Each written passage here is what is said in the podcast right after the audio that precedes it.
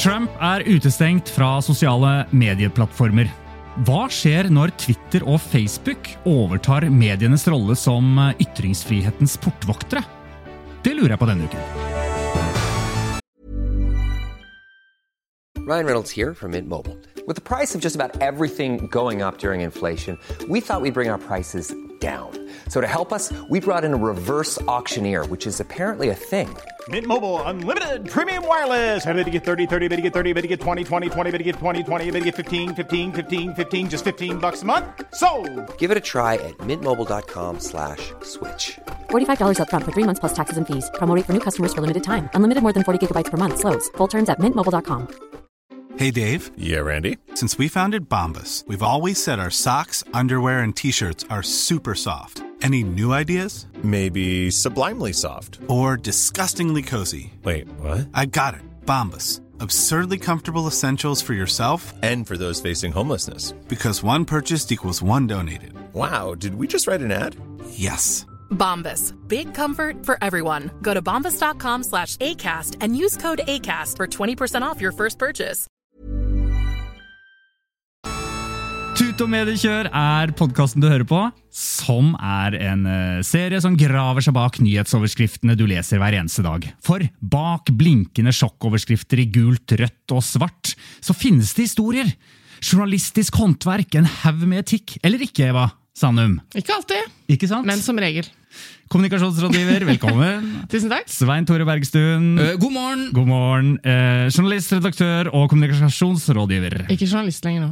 Nei, nei, men du var, jeg bare ramset opp eh, hele Å, ja. din CV. Da må du bruke veldig lang tid, Christian, for at jeg har vært så veldig mye i mitt liv. Vi går videre.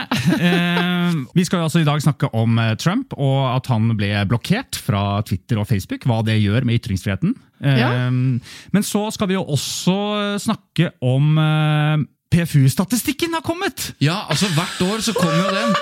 Ja, men Det er faktisk en ganske høydare for oss. Hva, er hva, hva er det. det for noe? Ja, det, skal, ja, det kan du Vi kan godt fortelle om det med en gang. Nei, vi lar det være en teaser. En liten Ja. teaser. Lag en Ja. liten sånn eh, flik av Det er ikke så vanskelig å tolke, Kristian. Man skjønner når du syns noe høres veldig kjedelig ut. Da drar han på andre veien. Nei, altså Vi har jo Ja. snakket veldig mye om, eh, om eh, liksom tilsvar og samtidig imøtegåelse og de vanligste bruddene på Vær varsom-plakaten. Nå har vi svaret, nå har vi fasiten. Både hvem som bryter oftest, og det er selvfølgelig samtidig imøtegåelse som er stikkordet her. Ja, Ja. Det er rett og slett Norsk Presseforbund som legger frem Etikkåret. Ikke sant? 2020 ja. forteller liksom hvordan, hvordan var mediene, hvordan oppførte mediene seg. Hvem tror det er verst? Hvem ble Nei, ja, det må jeg tenke på, men Ja. det kommer vi tilbake til. da. Ja. Ehm, ok, dere. Før vi går på Trump uh, og ytringsfrihet og alt, så må vi ta en runde rundt bordet, selvfølgelig. Uh, hva har skjedd siden sist? Uh, vil du begynne, Eva? Du, Denne uka her må jeg bare si at eh, jeg er veldig imponert over Kadafi Saman i TV 2, reporter, eh, som sammen med Janne eh, Nå husker jeg faktisk ikke etternavnet hennes. Nei. En annen journalist i TV 2 eh, lager denne mm, dokumentarserien som heter 'Norge bak fasaden'. Ja. Som jeg, for å være helt ærlig, ikke helt hadde plukket opp at var noe som kom liksom jevnlig gjennom fjoråret. Men i hvert fall denne uka slapp de da episoden om at ekstremisme og eh, ekkokammer og rabbit holes finnes eh, digitalt også i Norge. selvfølgelig, Det er ikke noe overraskelse, men at det kanskje er litt større trussel enn det vi hadde trodd. Og Jeg så den sammen med min 13 år gamle sønn. da. Litt usikker på, på hvor smart det var, for de nevner jo alle disse 4chan og alle disse kanalene. Hvor, men det visste han jo om fra før. så det var jo... Ja, Så, så han var Men- ikke, overrasket? Nei, men han ble litt sånn øh, Jeg tenkte at det, de, de må bare se disse tingene nå. Men det som, eh, for å liksom, bli advart, nærmest, da, for de sitter jo på rommet sitt og graver seg ned i disse kaninhullene, så det er bedre at de får høre om farene. Men jeg ble så imponert for det jeg skulle si. altså Godt journalistisk håndverk. Imponerende episode. Eh, Den heter vel da Hatet, eller Hat. eh, Vil jeg virkelig anbefale. Også I den episoden så får vi jo se hvordan Kadafi da under demonstrasjonssiden eh, de, Sian hadde jo et arrangement, og så skulle det demonstreres mot dem. ikke sant? Så det ble jo skikkelig Det er en scene der som er helt eh, vill, hvor Hun la meg si, helt rabiate dama som står foran her, så får hun øye på pakistaneren Kalafi Saman. Norsk-pakistaneren, vil jeg si. Jo, jo, men hun kaller han pakistaneren, lurer på hva, liksom, hva gjør du her? Ja. Ikke sant? Hva gjør du her? Dere som har liksom, høye stillinger har dere fått, og journalister som bare ljuger, og dere fortjener ikke å leve. Sånn står Altså, hun, liksom. Det er helt sånn. Og hva, men- men- hva svarer han da? Nei, han, Nei, han står jo bare bare langt liksom unna og ser på. Men det er, jo, bare- det er jo en scene som forteller at uh, disse kreftene er jo, det er jo helt spinnvilt. På en annen side så tenker jeg jeg har møtt mange sånne gærne folk, jeg. Og jeg har aldri tenkt at de er spesielt altså Jeg bare ler av de. Nei da, det er ikke det at det er jo, men det sjokkerende, men, man blir liksom her. Altså, man blir redd for at disse kreftene uh, finnes. Og Ja. samtidig, når jeg ser sånne folk, tenker jeg at det er synd på dem at du, hva du har rota deg borti nå. er ikke det sånn livsfarlig? Det er det man har ledd av dem i fire år Jo i. USA, og så eh, Men når jeg ser henne, denne Ja. dama, så, så tenker jeg uff a meg. Jeg ble faktisk også litt sånn sjokka. Men uh, det som gjorde meg glad, var jo at Gaddafi har så kul måte å svare på. Da. Så på sosiale medier så, så legger han ut en video da, hvor han sier uh, Hun spurte hva vi pakistanere gjør her i Norge. Vi går på ski, og vi nyter dette fantastiske landet etter å ha betalt skatt i mange år. Pakistanere og- elsker å ri på norske hester! Eh, altså, Altså, så han bare legger han ut en eh, liksom fra marka. og Sånn. Han er liksom humørfull type. Ja. Da. Det er veldig inspirerende. Så virkelig, ja. Ok, Eva, Det var en anbefaling. Hva, Ja. hva het serien igjen? Eh, Norge bak fasaden. Norge bak Mm, Gøy. Det er flere bra episoder der, altså, men dette er ukas, da, den jeg snakket om. Ja, ikke sant? Så da kan du anbefale en ny episode neste uke? ja, Det kan jeg gjøre. ja. Du, Kan jeg ta neste nå? Ja, absolutt. Ja, eh, Rundt bordet. Da er det kommet til meg. Eh, Jeg får altså Jeg får så vondt av Jonas Gahr Støre. Ja. Altså, nå var det er, det den lyden, er det den lyden Jonas Gahr Støre vil høre? Det er jo det. Ikke. Altså, det, nå, nå var det jo sånn at uh, Yngve Haagensen gikk ut i VG og skrev en uh, kronikk hvor overskriften var 'Jonas er arbeidsfolkets mann'. Uh, Kan Jonas Gahr Støre med sin bakgrunn være leder for Arbeidsfolkets parti? Visst faen kan han det! Utropstegn. God, eh, god Yngve Haagensen-stil. Ikke sant? Og, og det var jo en sånn kjempetrengt eh, kronikk fra en bauta i LO, eh, som bare Den trengte han. Ja. Og den var godt å lese den, følte jeg. Altså, han- godt skrevet også. Ja, veldig bra. Han, han, trengte en sånn han Kan jeg, trengte kan, jeg kan jeg få lov til å bare lese litt fra kronikken med Yngve Haagensen? Altså, jeg kan ja. Har du parodiert han Nei, på altså, foredragene dine? du kan, dette kan jo ikke ses, da, for dette er jo radio, men jeg har vært med en stund, for å si det sånn. Jeg har levd et liv i arbeidsbevegelsen. Det er det rette ordet. Fra jeg så ung begynte på papirfabrikken på Saubruks i Halden, og kom inn i fagforeninga, til jeg nå seinere ble LO-sekretær, og til slutt LO-leder, så følte jeg alltid en del av noe større enn fagbevegelsen. Jeg var en del av arbeiderbevegelsen. Hva, hva, Du, det var ikke ille! Du, du har noe å falle tilbake på, det, Svein Tore, hvis alt annet går eh, Nå må du ta opp brillene igjen. Ja, ja, sånn. ja. Jeg kan ta, legge ut et bilde er se om folk syns jeg er lik. Ja, Vi kan lage en femtimers video med deg og Haagensen. Okay, Ja, du, jo, det, var- det, var, til poenget. det var veldig bra, Svein Tore. Eh, Du lignet. Um, Problemet er vel at han ikke har skrevet det. Og så kommer det frem, han har jo ikke skrevet det. Det er altså kommunikasjonsrådgiverne til Støre som har oppfordret han, men altså, Haagensen står jo selvfølgelig bak innholdet, men det er bare når det kommer frem, så bare kjenner jeg at det, det er noe med meg da som jeg blir skikkelig skuffa, eh, og derfor så forsvant på en måte den derre Nok en gang fikk Støre eh, kjempe Det var bra, men så ble det bare raknete. Ja, men Christian, bare sånn, prøv, hva, er det som skuff, hva er det som skuffer deg? Det skuffer meg at uh, det hele er litt faka. Det er litt arrangert eh, støtte. Ja, ja, det den- er det jeg oppfatter. Men. Er det det at noen andre har ført til pennen, eller er det hvor initiativet kom fra? Eller er det liksom at du blir Ja, fordi- lurt når du ser altså, Jeg føler meg lurt, ja, fordi dette er underskrevet av Haagensen. Da, da føler jeg meg lurt at det ikke er han som har skrevet det. Så når Erna. Solberg har en kronikk på trykk i Dagens Næringsliv Erna Solberg skriver visstnok i Dagens Næringsliv. Det Ja, står i hvert bilde av henne og sånn. Ja, så, så hvis du hadde funnet ut at den teksten ikke var skrevet av Solberg, så hadde du blitt skuffa?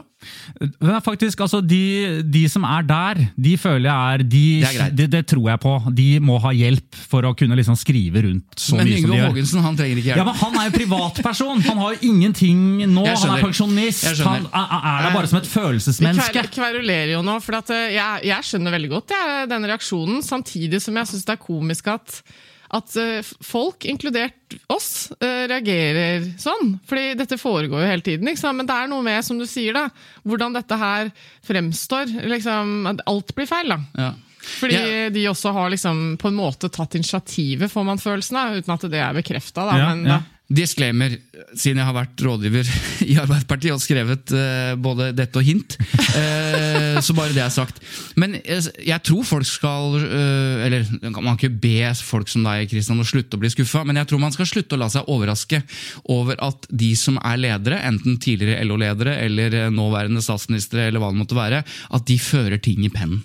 Eh, Det viktigste, og det viktigste for så vidt for Arbeiderpartiet i et mer større perspektiv, eh, er jo at Yngve Haagensen virkelig støtter eh, Jonas Gahr Støre. Ja. Men det er klart, det er helt rett når sånne ting kommer ut til folk som ikke tar del i dette til vanlig, så ødelegger jo det på sett og vis. For mange, tror jeg. Men, men jeg er nå glad for at veldig mange av de Om ikke Haagensen Han kan jo ikke skrive noe sånt, han har ikke engang skrivemaskin. Altså Han har ikke. PC, ikke skrivemaskin, så han får ikke skrevet det. Han kan skrive det for hånd selvfølgelig og sende det inn, men det har nå pågått en eller annen slags eh, greie her.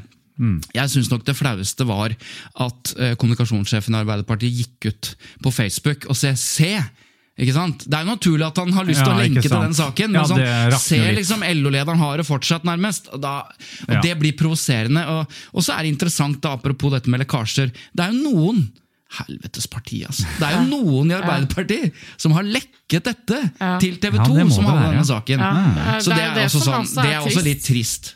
Men jeg syns uh, poenget, og det Hans Olav, eh, nei, Hans Petter Sjøli i VG sier dette er en av de beste kronikkene jeg har lest fra Arbeiderpartiet på lenge. For innholdet er ganske interessant, og dette har jeg for så vidt sagt lenge.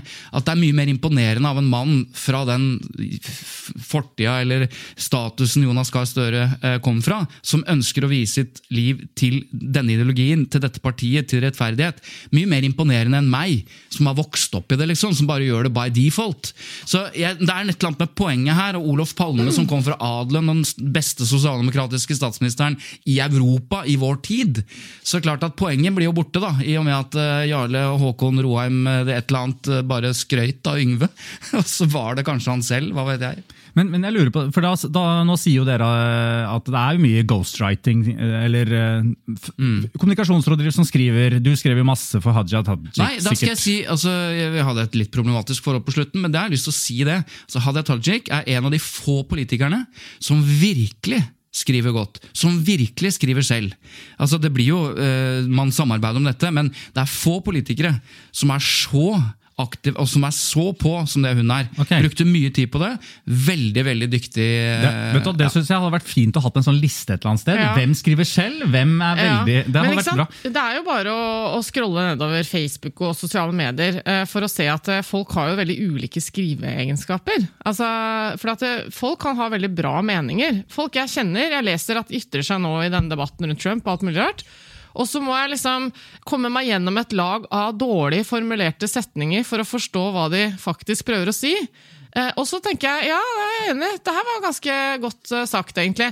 Og det, sånn er det jo veldig mange som har det. Så derfor i seg selv er det jo naturlig å tenke seg at alle som har en lederposisjon, som du sier, som må formulere seg i ny og ne i kronikker og aviser og sånn, at de trenger hjelp. ikke sant? Så det i seg selv er jo ikke noe overraskende for, no Nei. for noen. Men, det, bare si en ting til. og det er at eh, Når man har jobba i byrå, da, sånne kommunikasjonsbyråer, ikke sant? det flyr jo konsulenter rundt i gangene der som, som skriver tekster på bestilling hele tiden.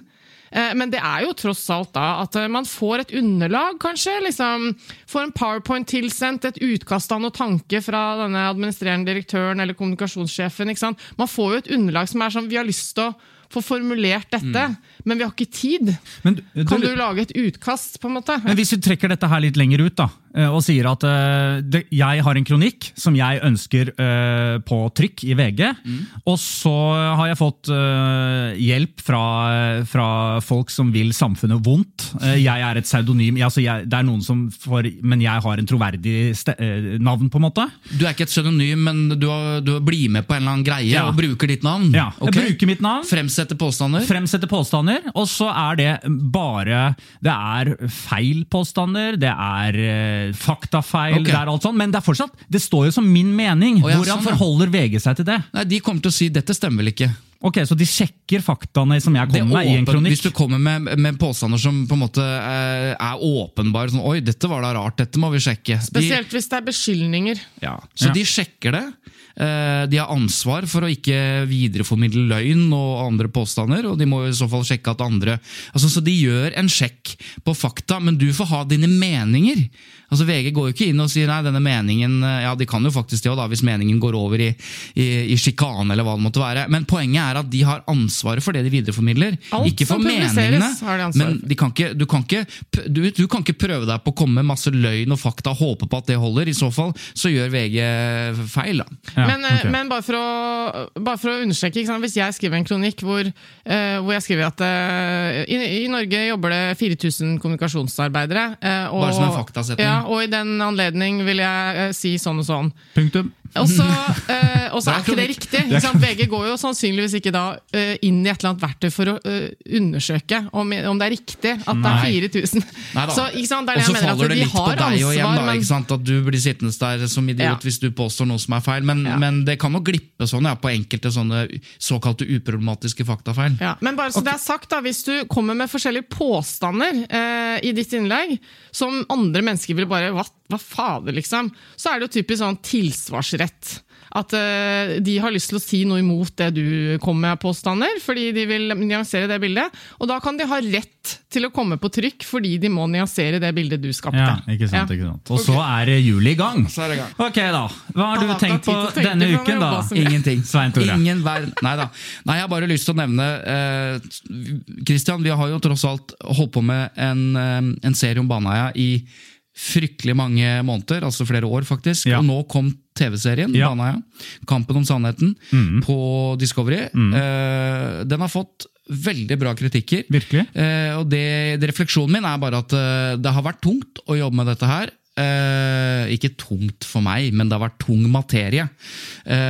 Og det man ser nå, er at flere og flere begynner å stille noe av de samme, etter mitt skjønn, legitime spørsmålene. Og, og nå ser vi altså TVs kraft. da, fordi Mm. Det er greit å lage podkast, men det er et eller annet når det Ja. kommer på TV, så blir det, blir det saker av det. Ja, Eller hva ja. sier du? Nei, nå først og fremst, Jeg har jo ikke sett serien ennå, så jeg gleder meg jo veldig til å se den. Eh, men jeg opplever at du har sett den, og du kan, eh, kan du anbefale den som Eva?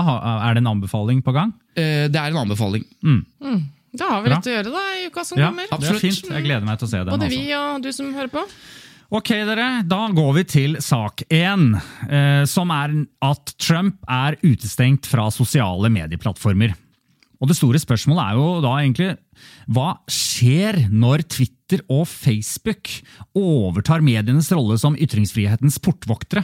Og det bare, aller først, dette ytringsfrihetens portvoktere, det er jo mediene selv som kaller seg det, er det ikke det? Ja, Da tror jeg det er seint på kvelden og store talerord. med- men altså, det er ringer jo ikke noen beller i mitt hode, akkurat det. Nei, de, de er jo selvfølgelig, eh, fordi de har den rollen de har, så, så regulerer de jo veldig mye av den offentlige debatten. For det er jo tross alt mediene som er kanalene tradisjonelt vært. Men som du er inne på, sosiale medier, som ikke har det samme redaktøransvaret, f.eks., har jo blitt veldig viktige plattformer, og vel så viktige portvoktere for demokrati og ytringsfrihet. Vi kan, jo, ja, for vi kan jo begynne med å si at de sosiale plattformene har jo eh, skapt en slags revolusjon, hvis man tenker over det. Ja. Ikke sant? Før måtte du jobbe for å formulere deg godt, for å komme på trykk, eller for å komme på radio, for å komme gjennom liksom, eh, Ja. eh, til i avisa da, eller i media. Mens nå kan jo alle når som helst hele tiden med skrivefeil og tragiske meninger. Alt! Ja, så det alle kan positive er jo denne demokratiseringen av ytringsfriheten. Ja, det verste, verste du vet, Eva, er jo selvfølgelig skrivefeil. Ja, det- Jeg er veldig god på det selv, men, men altså, jeg er god på å slurve, skrive slurvefeil. Men det irriterer meg veldig å lese det. Men du, Før vi hopper ned i det enorme bassenget med ord som ytringsfrihet, demokrati Ja. og medienes rolle og sånn, Ja. kan ikke du aller først, Eva, hva var det egentlig som skjedde med Trump? Ja, altså, Nå har jo sikkert folk hørt ekstremt mye om dette i det siste, men Ja, allikevel det er bare sånn kjapt. kjapt. Ja, fint. eh, allerede på lille julaften, eh, 23. desember i fjor, så, så tvitra Trump om at ja, det skal skje en stor demonstrasjon den 6. januar rundt den begivenheten i Kongressen. Så han har jo liksom hausa opp dette lenge. Og så mm, var det jo dette store opprøret som vi alle har hørt om. Og eh, I løpet av opptøyene også så skrev jo presidenten på Twitter at eh, sånn her skjer når en valgseier blir stjålet, og dere er flotte patrioter, og dere har blitt behandlet dårlig. og etter at dette her, Når han endelig kom ut for å roe gemytten, da, så sier han jo liksom Gå hjem med kjærlighet og fred, husk denne dagen for alltid. Altså Han er jo veldig på lag. Det er som Jesus. Ja, han sa jo 'jeg elsker dere'. Ja, I love you, liksom. Hvorfor? Ja. Og Poenget er bare at eh, det er hele dette greiene her med liksom, QAnon og KEK og forskjellige grupper. Har du satt noe i halsen?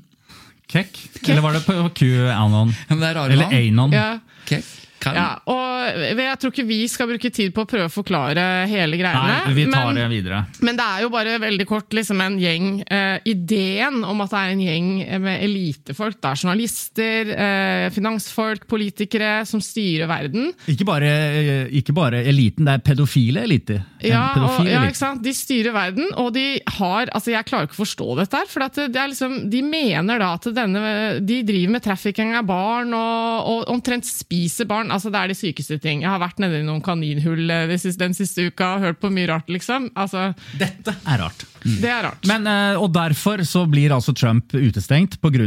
at han øh, fyrer opp. Ja, det er jo to ting Ja. hovedsakelig. ikke sant? Det er løgn, videreforbindelse, altså at han påstår ting som ikke er sant, og at han viderebringer livsfarlige konspirasjonsteorier, som jo får folk til å gjøre det andre. Og så er det jo oppfordring til vold, da, som har vært påstandene. Så det er flere ting. Men det er dette her at han på sett og vis er farlig, da, fordi han har så vanvittig kraft og makt også. Det er jo noe av grunnen til at Twitter ventet med å stenge kontoen. Hadde han vært en vanlig fyr, så hadde de stengt kontoen, fordi han har brutt retningslinjene hele Veldig tiden. Men så har de sett på dette. Ja, men Han er tross alt Amerikas president, så vi kan liksom ikke bare stenge kontoen. Kan vi det? Jo, nå gjør vi det. Men det som er interessant, er at eh, Trump har jo, ifølge de som kan det, eh, gitt hint veldig mange ganger. I sine taler og tweets og sånn. Han har jo for eksempel eh, sagt at eh, 'a storm is coming'. Eh, har han brukt som begrep i en av pressekonferansene eller, eller intervjuene han har gitt. da. Eh, og det henviser jo til The Big Storm, som hele denne QAnon-gjengen eh, snakker om. Som de omtaler som liksom en slags sånn revolusjon som skal skje.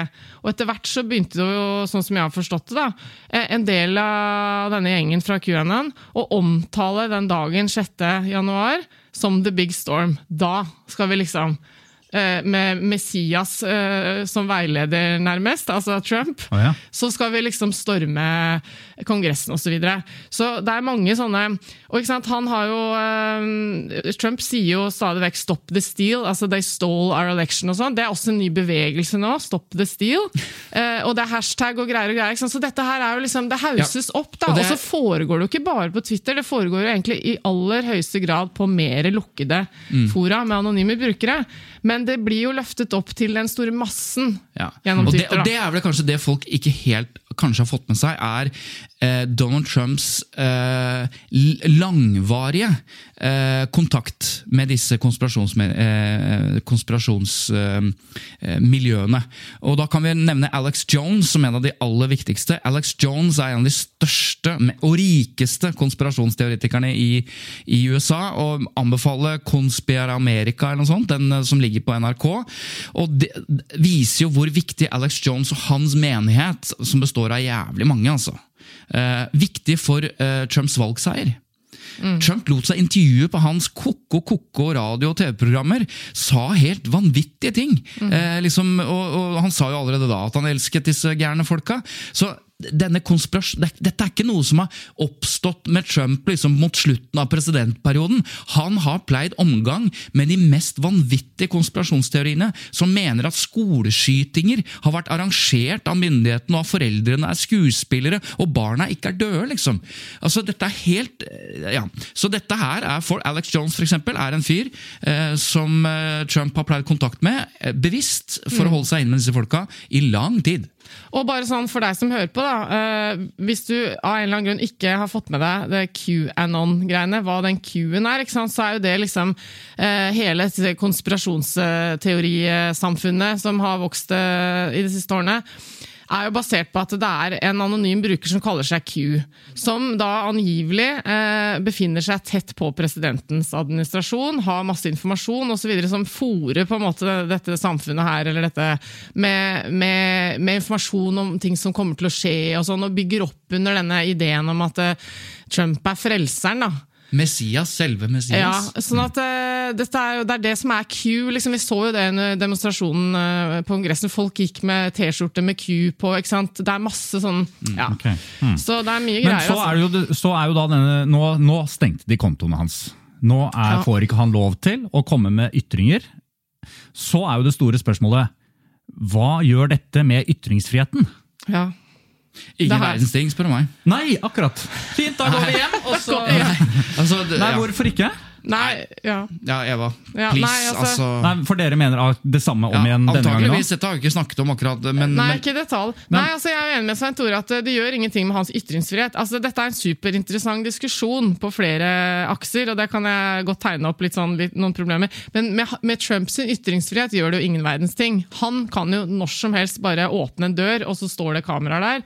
og Mikrofoner. Han kan gå ut til presserommet. ikke sant? Han har jo, ikke bare, Hans konto er jo stengt på Twitter, men det fins jo en annen eh, konto som heter hva er det det er igjen? POTUS, eller noe sånt? President of uh, Hva Ja, blir det det? ja?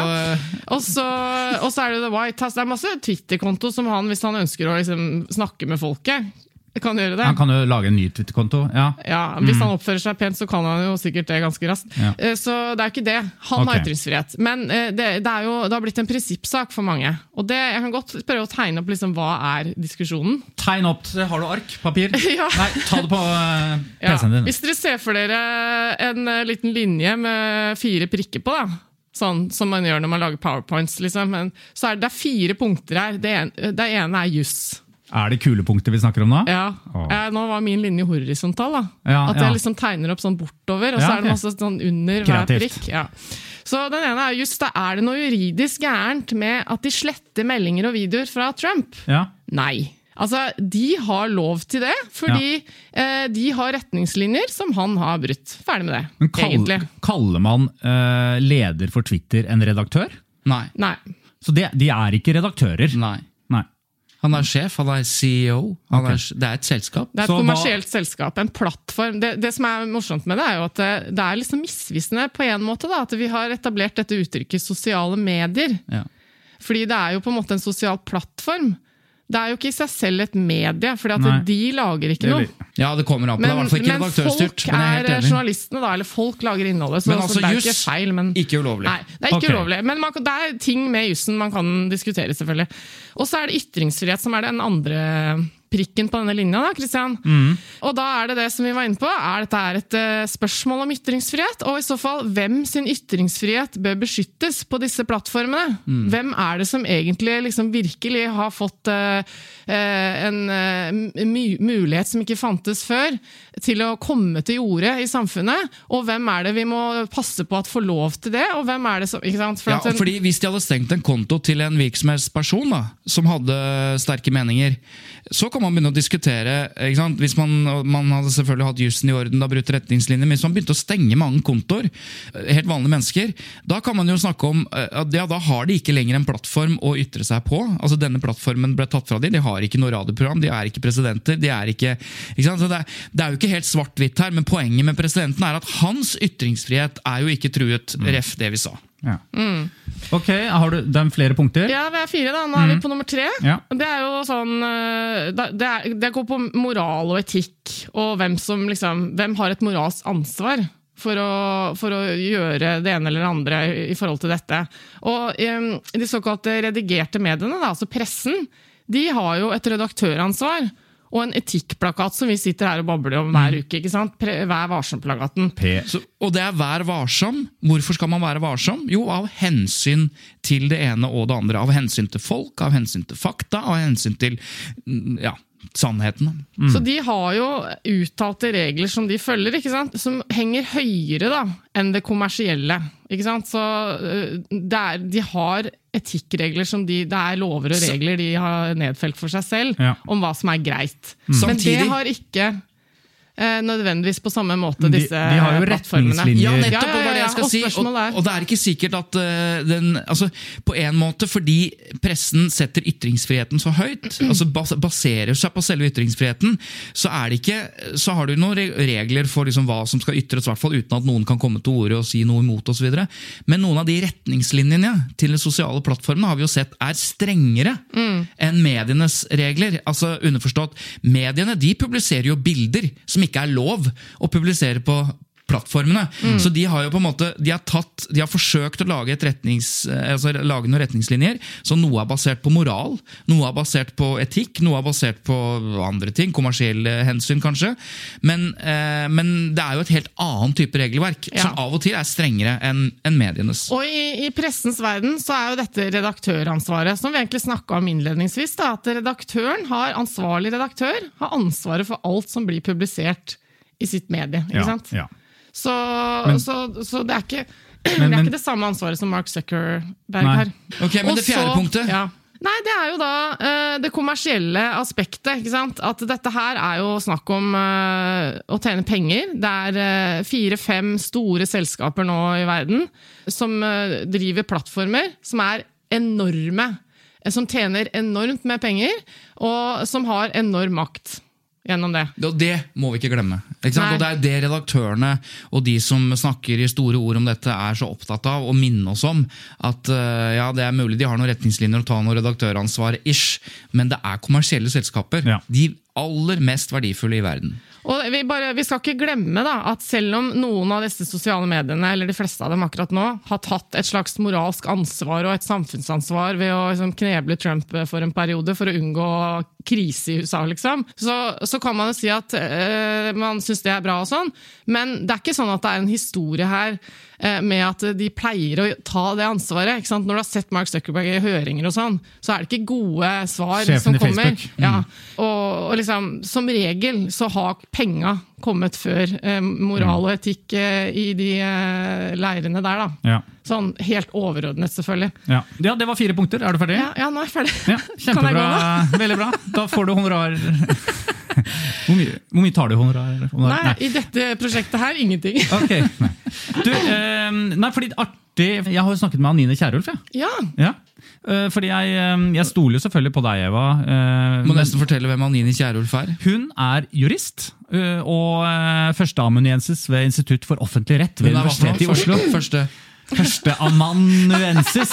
Amanuensis. Hun er se, oppå der, oppå bygget, oppå Blindern. Ja, det, ja, ikke sant? En av de fremste og mest syns- brukte ytringsfrihetseksperter Ja, men jeg syns faktisk det er litt dårlig gjort at ikke du sa det tidligere til meg. For at nå har jeg sittet her og prøvd å legge fram dette her, og så skal du nå liksom vise kjærlighet. Ja, jeg har snakket med en av Norges aller fremste på ytringsfrihet om akkurat det du nå prøvde å si noe om. Så la oss høre fasiten, da. Ja, Hva skjer med ytringsfriheten når Facebook og Twitter tar over? Rettslig sett så har de jo ikke endret så mye, fordi vi har jo den ytringsfriheten vi har i kraft av både Grunnloven og menneskerettighetskonvensjoner eh, uansett, vi. Eh, vi kan si det vi vil, og vi kan eh, få tilgang til det meste av det vi trenger gjennom informasjonsfriheten. Men når mye av samfunnssamtalen vår og den demokratiske diskusjonen flytter seg inn på plattformer som Facebook og Twitter, Hey, I'm Ryan Reynolds. At Mint Mobile, we like to do the opposite of what Big Wireless does. They charge you a lot, we charge you a little. So naturally, when they announced they'd be raising their prices due to inflation, we decided to deflate our prices due to not hating you.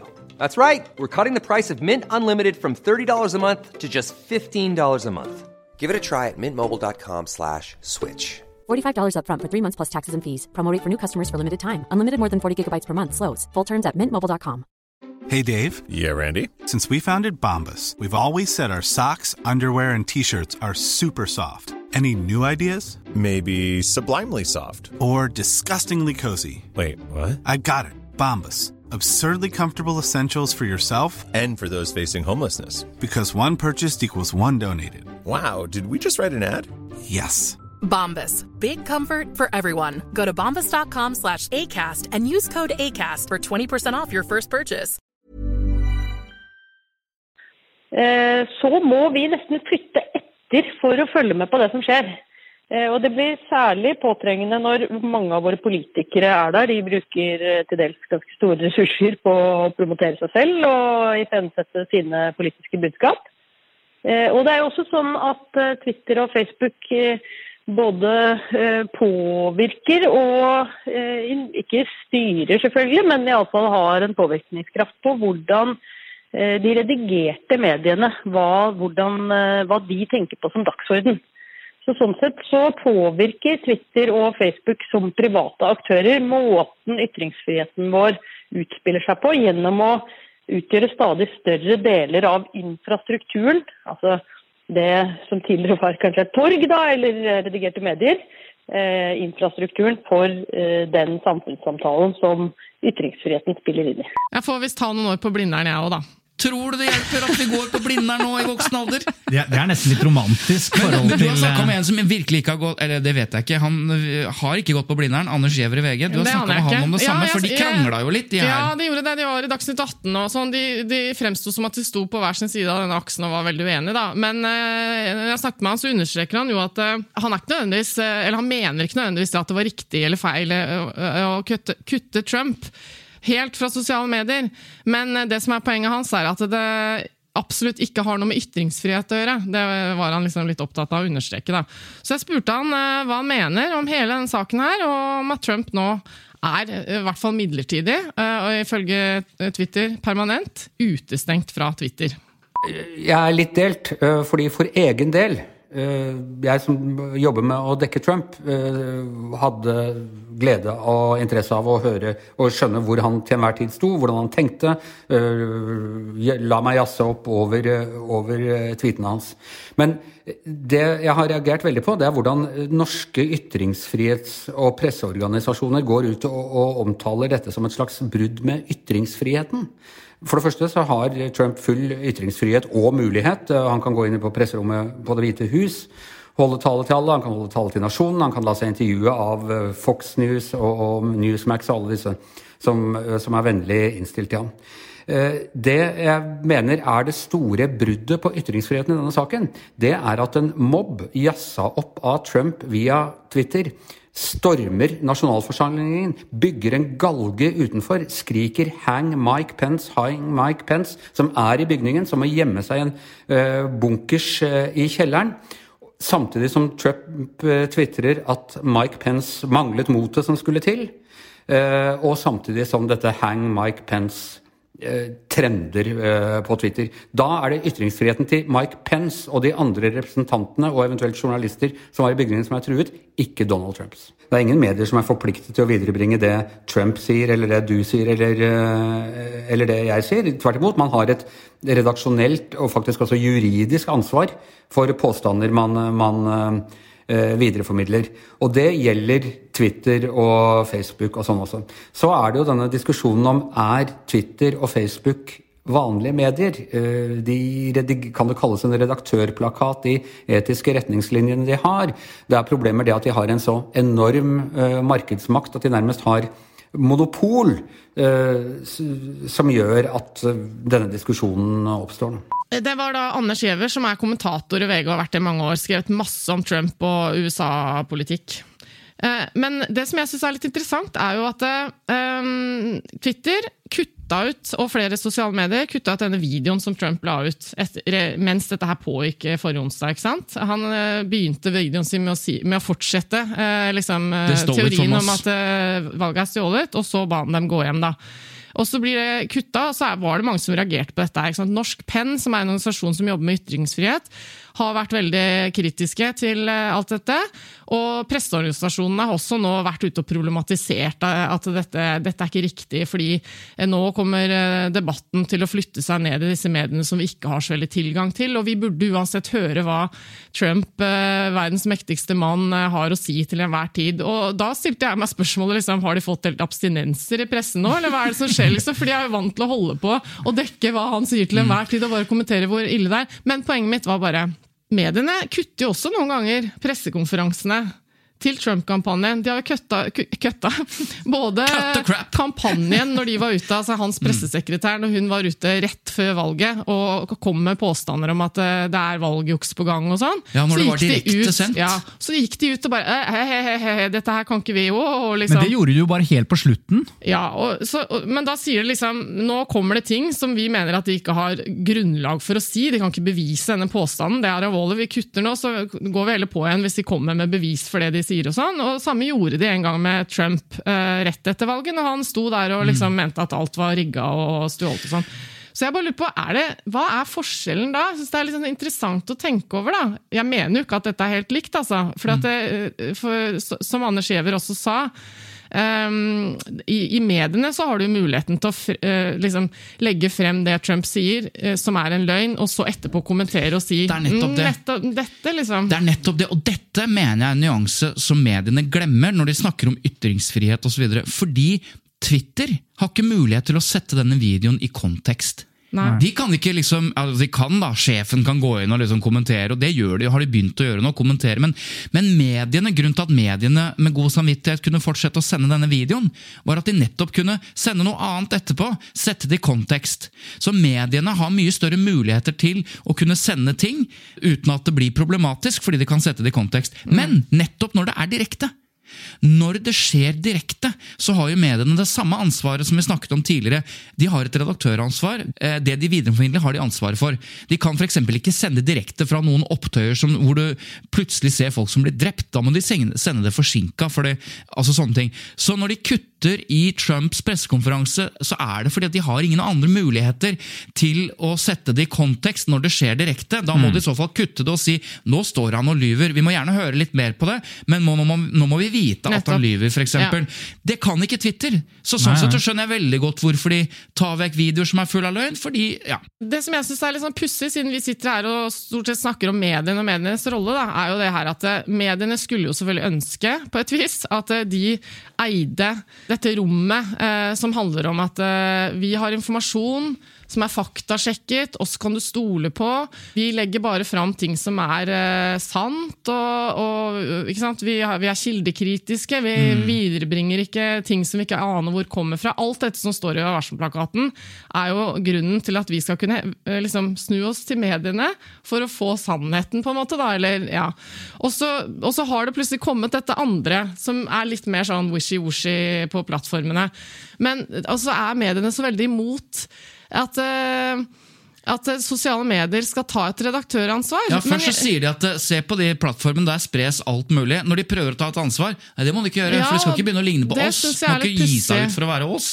Men jeg, jeg syns det har skjedd en endring, for jeg opplevde jo mm, sånn eh, altså Med en gang Twitter, Facebook, alt hvor alle fikk lov til å si sin mening. Jeg opplevde jo det som en veldig sånn befriende idé i starten, hvor det var veldig lite eh, negativitet rundt det. Altså, det det var da jeg opplevde oi, nå kommer faktisk sannheten frem.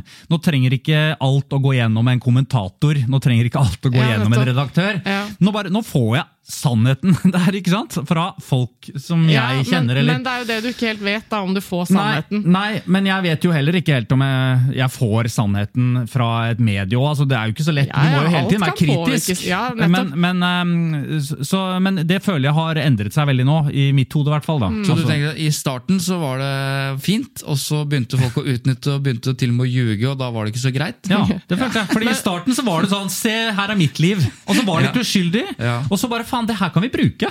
Ja, ja, men det er jo riktig at det har vært en utvikling òg, da. Selvfølgelig. Ja, ja, Folk, det det er jo alltid noen som klarer å utnytte det, det som endrer seg eh, av muligheter. Men, men jeg skal også understreke at eh, mediene, journalister og sånn, de også er jo veldig positive til sosiale medier. De fleste vil jo si at dette har vært et løft for, for demokratiet på mange måter. eh, For dem også. De får flere stemmer inn i debatten. og sånn, Så det er jo ikke sånn at mediene er superkritiske til sosiale medier sånn Nei, sånn de helt bruker jo plattformene selv også. Helt ekstremt mye. Altså, det er sant. De bruker det som kildemateriale, de Mm. følger debatter, de annonserer jo der, de eh, legger ut alle artiklene sine der. De er jo fullstendig avhengig av disse sosiale mediene. De har et helt eh, schizofrent forhold til disse mediene. Det Det, kommer de til å ha i lang, Ja. lang tid. fordi Også de har stjålet annonseinntektene Mm. til mediene. ikke sant? Og så er det en annen ting også, fordi det, det skaper også Når de ser at um, flere og flere forholder seg til hva som skjer på sosiale medier, så trenger jo eh, mediene å konkurrere mot det.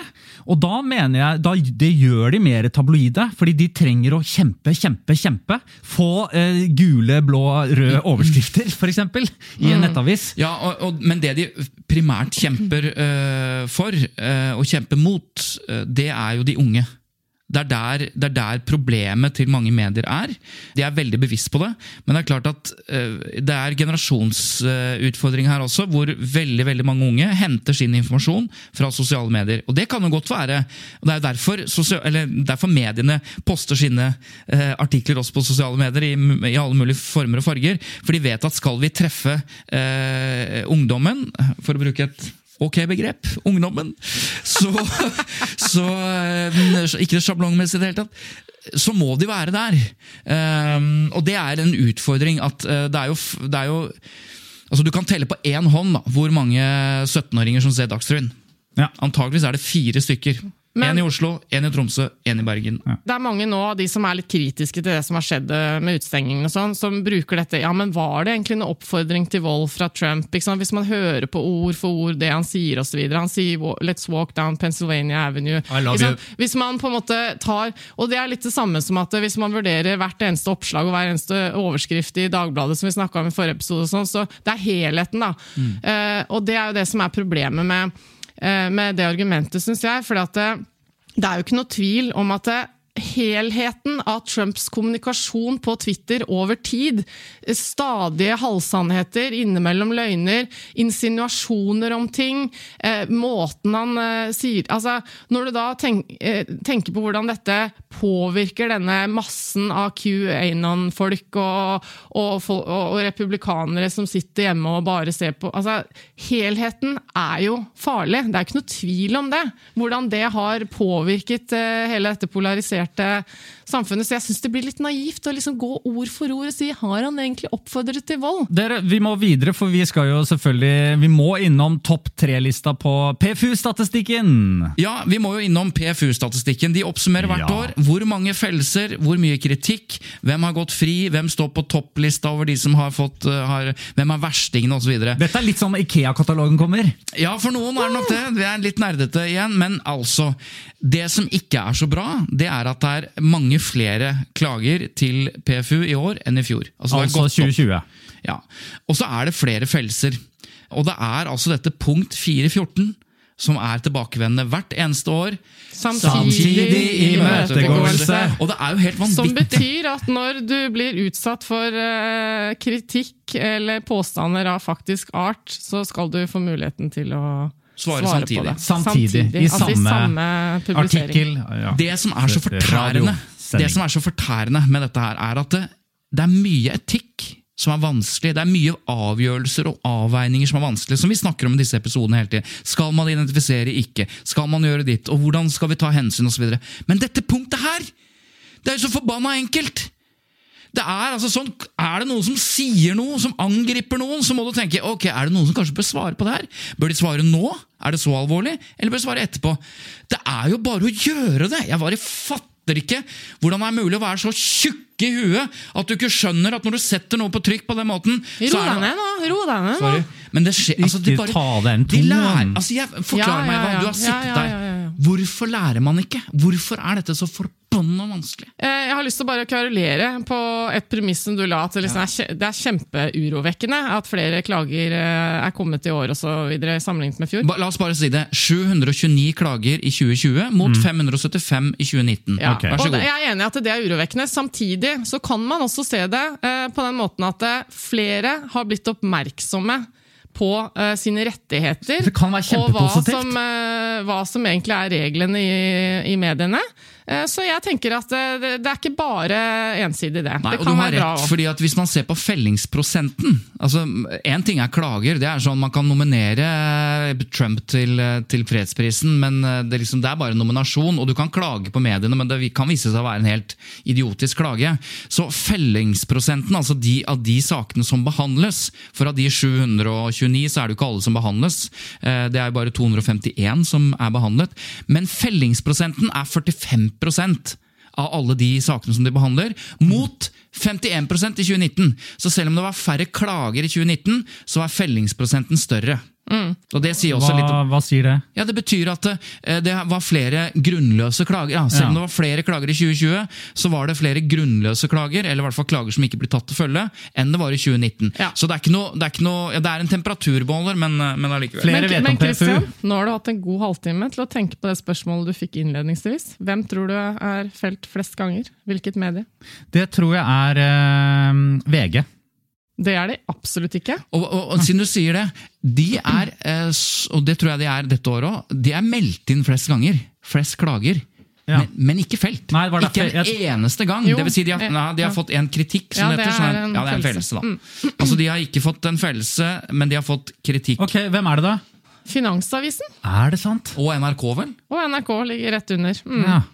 Og jeg tenker Finansavisen det viser litt om hvordan de holder på, mener jeg. For det er ett medium som er felt flest ganger. Når NRK, så er det jo hele NRK. Ja. Det er NRK Rogaland, det er NRK ditten og datten. Altså det er hele smæla, liksom. Ja. Så de har jo hele tiden slitt litt, men hvis man ser på statistikken på NRK også, over tid, over år, så går det ned. Men her vil jeg også legge til en ting eh, med tanke på lesing av sånn statistikk. Fordi det kan jo virke som da NRK for eksempel, da er ute å kjøre. ikke sant? For noen år siden, eh, da, da NRK også lå høyt oppe på den statistikken, så, så satt de i gang, de oppretta en ny stilling med etikkredaktør og tok det veldig på alvor. da, For det gjør folk. Folk eh, sender jo oss spørsmål og lurer på liksom, har PFU noe å si. For det er jo ikke noe bøter. Nei. Eh, og alt dette her, Det kan vi snakke om en annen gang, for det er interessant i seg selv hvordan det, Det håndheves. Men eh, poenget mitt er bare at det, det kan jo også være at det kommer flere reaksjoner, flere klager, mot de redaksjonene som folk har høye etiske forventninger til. Som NRK. Og, ja, Ja, og fordi jeg mener at det, er ikke så Ja. mange klager som kommer på Se og Hør, men jeg vil tro at hvis du leser sosiale medier, så er det mange folk som er irriterte og mener at Se og Hør Så- gjør ting. ikke sant? Så det er mange som har høye forventninger til Finansavisen. Det- det- det- vi rekker Vi rekker, vi rekker et Poenget mitt gjelder ikke så godt for dem, det er sant. Vi rekker et siste kjapt lytterspørsmål fra Ida Elisabeth. Hun er politistudent og har skrevet inn til oss. Tusen takk, Elisabeth, og tusen takk til eh, deg også som har sendt inn eh, e-post til uh, tut at lydeproduksjoner.no. Eh, Ida Elisabeth skriver Jeg har stått på Hun er altså politistudent. Jeg har stått på stygge trafikkulykker der journalister står og forsøker snik å sniklytte når man tar avhør av noen. Jeg mener det er ekstremt uetisk. Er det noen regler på dette?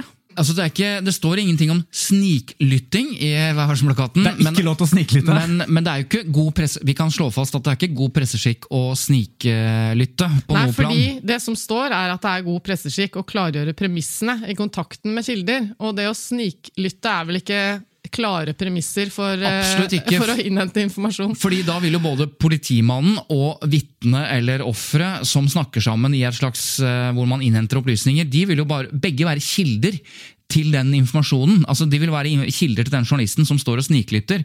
Og da har ikke journalisten som står og sniklytter, gjort premissene klare.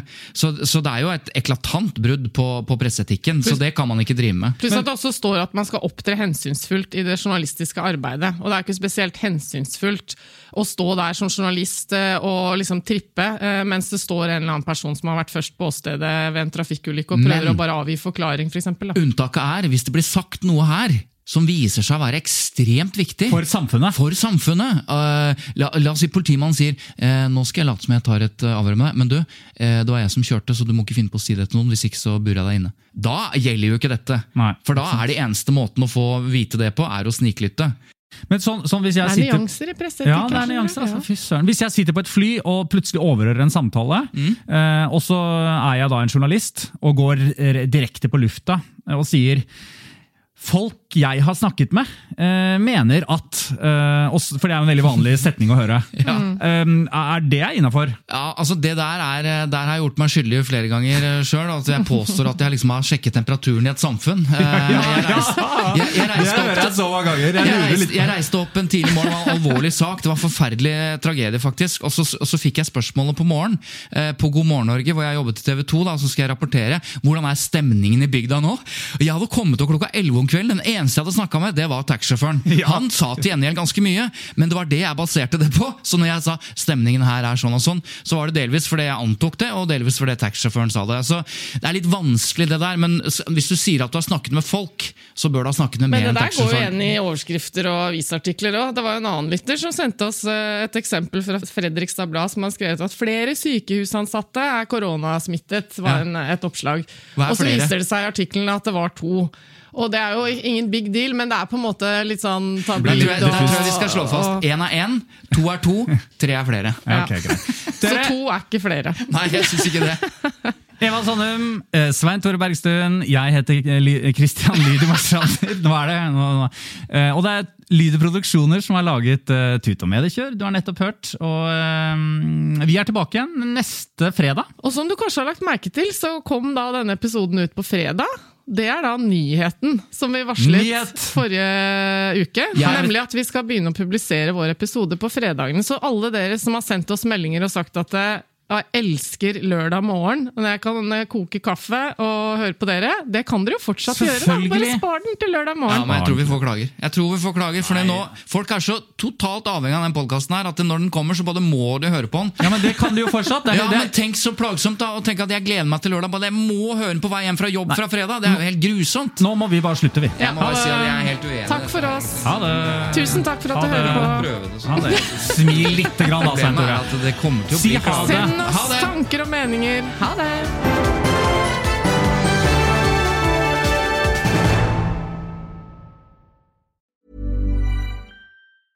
Hi, I'm Daniel, founder of Pretty Litter. Did you know cats tend to hide symptoms of sickness and pain? I learned this the hard way after losing my cat, Gingy. So I created Pretty Litter, a health monitoring litter that helps detect early signs of illness by changing colors, saving you money and potentially your cat's life. Pretty Litter is veterinarian developed, and it's the easiest way to keep tabs on your fur baby's health right at home. Go to prettylitter.com and use code ACAST for 20% off your first order and a free cat toy. Terms and conditions apply. See site for details. When you need mealtime inspiration, it's worth shopping Kroger, where you'll find over 30,000 mouthwatering choices that excite your inner foodie. And no matter what tasty choice you make, you'll enjoy our everyday low prices, plus extra ways to save, like digital coupons worth over $600 each week. You can also save up to $1 off per gallon at the pump with fuel points. More savings and more inspiring flavors make shopping Kroger worth it every time. Kroger, fresh for everyone. Fuel restrictions apply.